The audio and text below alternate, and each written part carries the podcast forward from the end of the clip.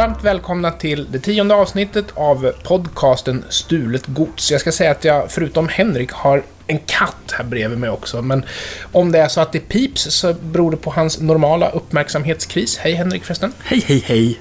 Själv har jag tittat på programmet Stjärnornas stjärna som går ut på att man ska som popartist göra någonting som man inte brukar göra så blir det spännande. Och eh, jag kände igen konceptet för någonting som heter Så mycket bättre där man typ ska stuva Ah. om något till sitt eget. Har du sett Ja. det? Eh, Så mycket bättre har jag sett eh, många gånger. Stjär- Stjärnornas stjärna. Jag tror inte ens jag har hört talas om Samma det sak som. Så mycket bättre fast tvärtom. Och jag Okej. tror inte de gråter lika mycket. Nej, okej. Så mycket bättre är ju för övrigt ett eh, holländskt koncept. Okej, Från jag har början. sett ett program och kom fram till att det inte var min grej. Ah, okej. Ja, det, har ju, det har ju skapat en hel del mycket hits i alla fall. Det här programmet. det, är Och bra. det är bra att det finns ett sånt program, för Ja. vi behöver verkligen fler hits. vi behöver fler hits. Jag råkade titta på det här om... Det var något reprisavsnitt här alldeles i veckan, tror jag det var. Och då skulle Magnus Uggla till att sjunga Carolas På egna ben. Okej. Inte Eh, hört den tyvärr. Den är från 84. Hennes andra album hette ju På egna ben. Ja, det är den. Okej. Och då, ehm, då så sa jag till min sambo det att undrar om Carola skriver sina egna låtar. Vad Nej, tror du? Fan, det är klart hon inte gör. Nej, det är klart hon inte gör. Nej. Men jag slog upp det i vilket fall som Okej. helst, tänkte jag. Och så jag, jag letade upp det och så tittade jag här. Här är Carolas andra album, På egna ben, från 84.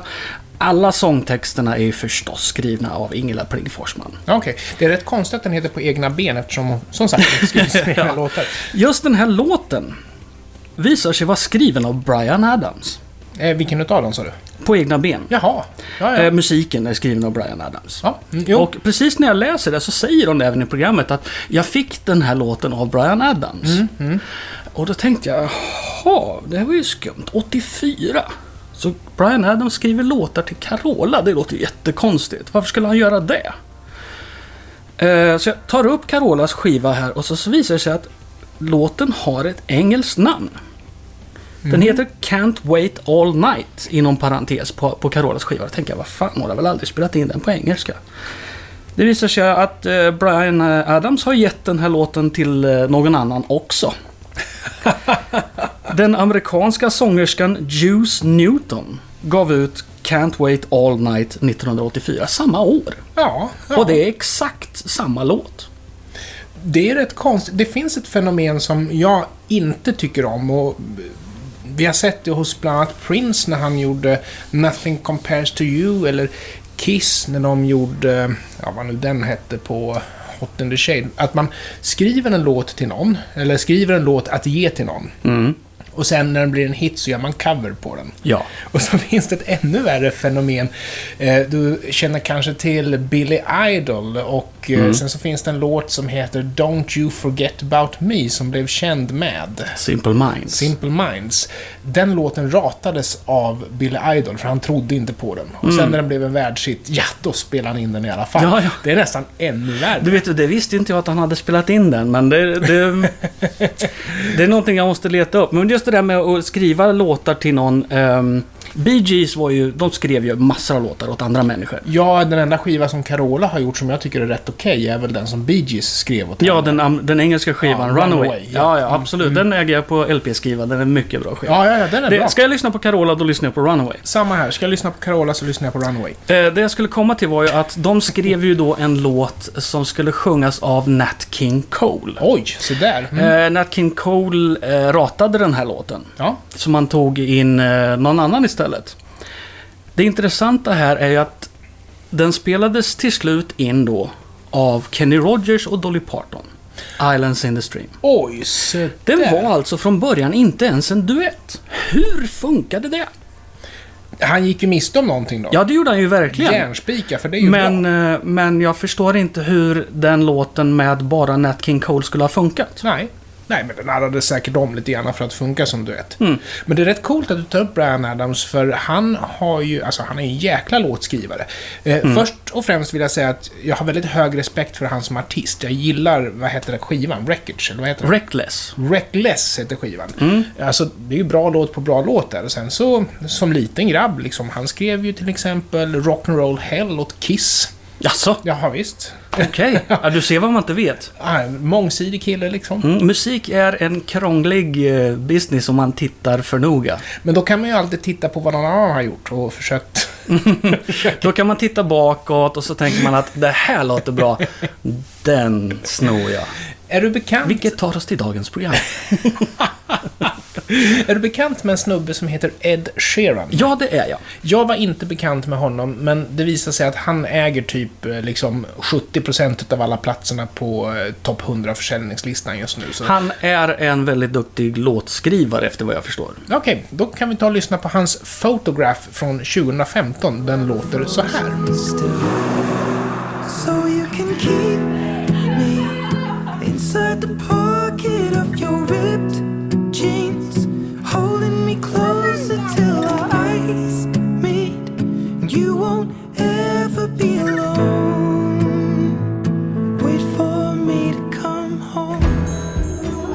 Vad det är för prat tillbaka. Kanske från videon. Det är från videon. Ja. All right, eh, vacker låt. Ja, den här har man ju hört på radion många gånger. Jag tycker att den tyvärr bär lite grann samma attribut som mycket modern musik gör. Att det är lite för sparsamt, det är lite för platt mixat och sådär. Det är men- inte mycket med den där låten. Nej, men eh, tillräckligt mycket för att man ska kunna känna igen den faktiskt. Jag tänkte be att få spela Amazing från 2012 med artisten Matt Cradle. Den låter så här.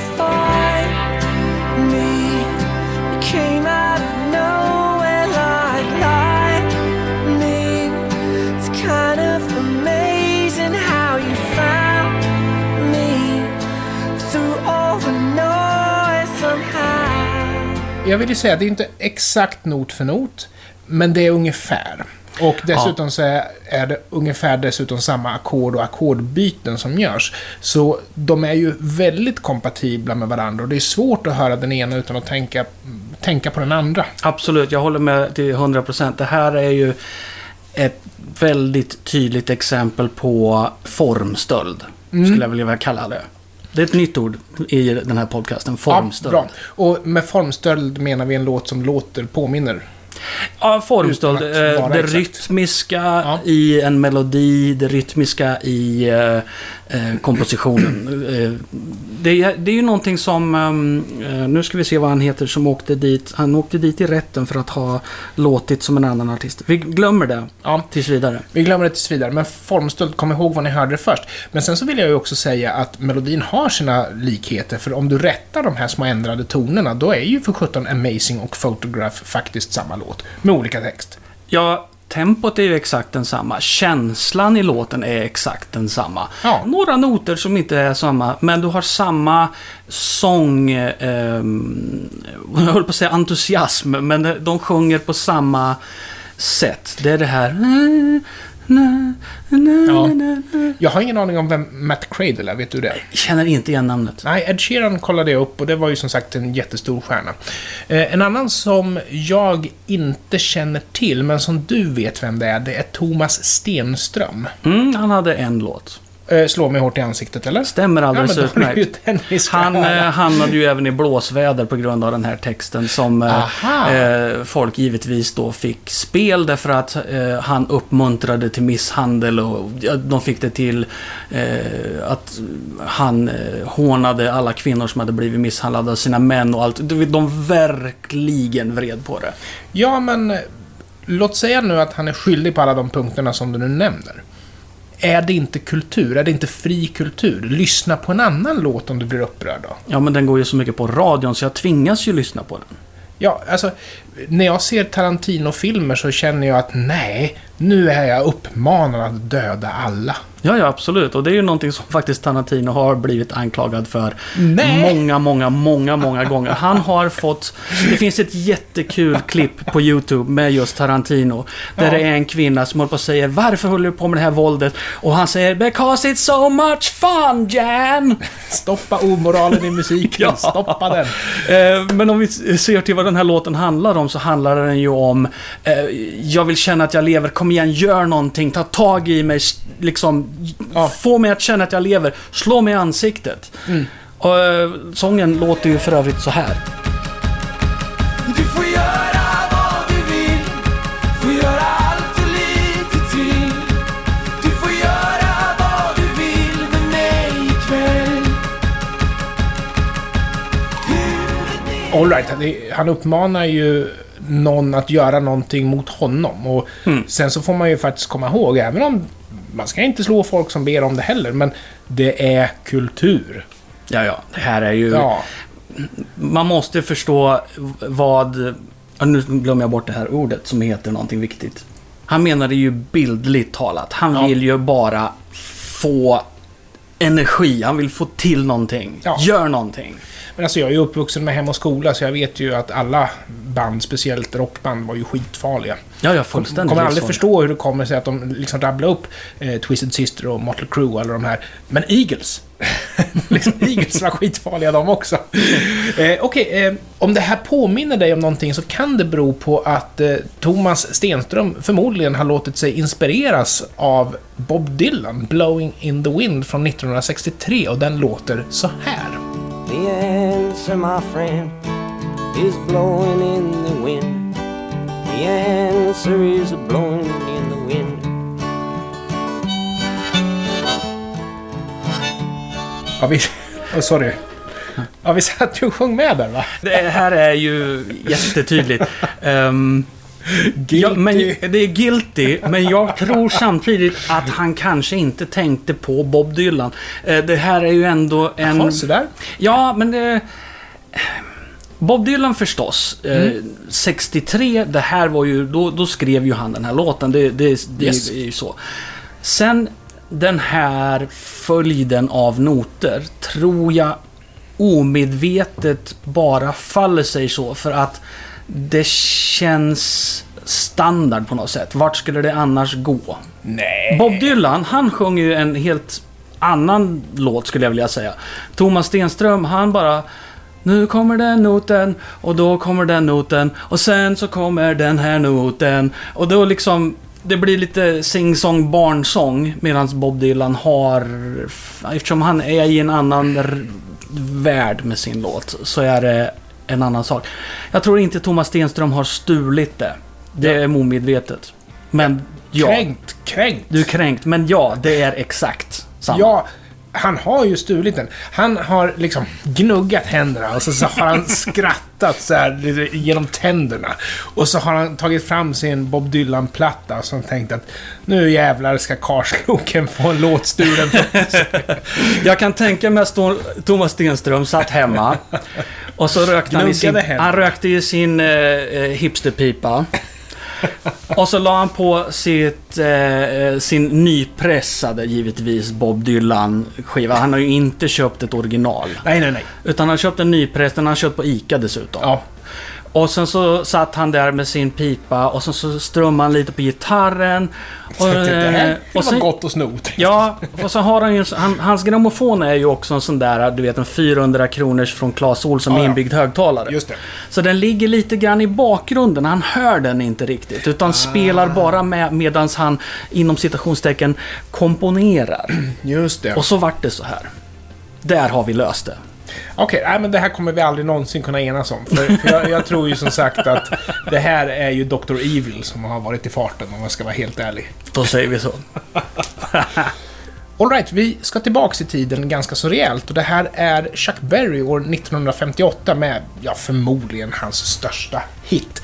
Som vi lite skämtsamt brukar kalla för Johnny är snäll. Johnny B. Good alltså.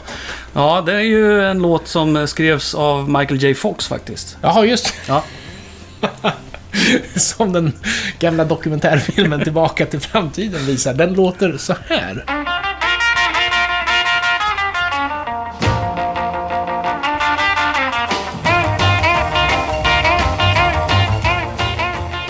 Det var Marty McFly som skrev den egentligen, men ja. Ja. Och det där var ju introt, det episka introt med den fantastiska elgitarren och... eh, Direkt igenkännbart. Ja, mycket igenkännbart. Men lite märkligt blir det om vi backar ända till 1946. När artisten Lois Jordan fick en hit med Just Like a Woman, vars intro låter så här.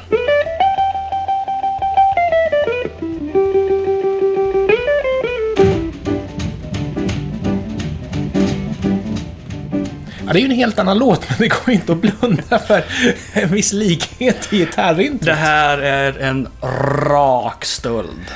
Jag undrar om inte det här har gjorts fler gånger. Jag undrar om det inte är så att eh, vissa rockmusiker betraktar det där riffet som public property.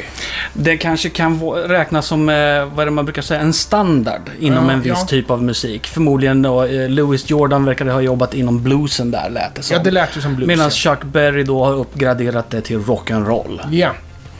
I övrigt så är det, ja givetvis, det är exakt samma. Ja. Och jag tror också att det här är någonting som vi, om inte redan har sett i podden, jag tror vi kan ha sett det i podden, men vi kommer garanterat att få se mer utav det. Att man plockar någonting som på något sätt sätter en markör på vad det är man vill åstadkomma, eller kanske i det här fallet, vem man vill ge någon slags hommage till. Men, s- men det är stöld. Och Chuck Berry fick ju en, en monsterhit med det här och jag, jag menar, den här, det här riffet är ju liksom wow, Johnny B. Good, man känner igen det på riffet i början så att säga. Och då är det nästan ännu värre. Ja, exakt. Eh, och frågan är ju vad Louis Jordan har ehm, eh, kände inför det här. Eh, förmodligen, han, förmodligen var han ju aktiv då 12 år senare när Chuck Berry fick sin hit. Kan man tänka sig. Men det är ju ingenting jag har djupdykt i. Det skulle vara intressant att ta reda på. För, nämligen vad, eh, och huruvida det här riffet räknas som någon form av standard och därför helt enkelt ehm, Ja, det är klart det är en stöld, men som du säger att man bara talar om att nu jävlar, nu kommer det här. Lite som du, när du lyssnar på eh, surfrock. Då är det en viss stil, du känner, du hör direkt på gitarren att okej, det här, nu är det surfrock. Därför att Ja. det låter på det här sättet. Ehm, Och man undrar också om det har dykt upp på fler ställen. ja, absolut. Och det är ju någonting man säkerligen kan bingoogla sig fram till. På Alta Vista. Ja, men det gör vi inte. Utan det här är egentligen hela programmet för idag. Stort tack för att ni lyssnade och jag hoppas vi hörs nästa vecka. Hej då! Adjö!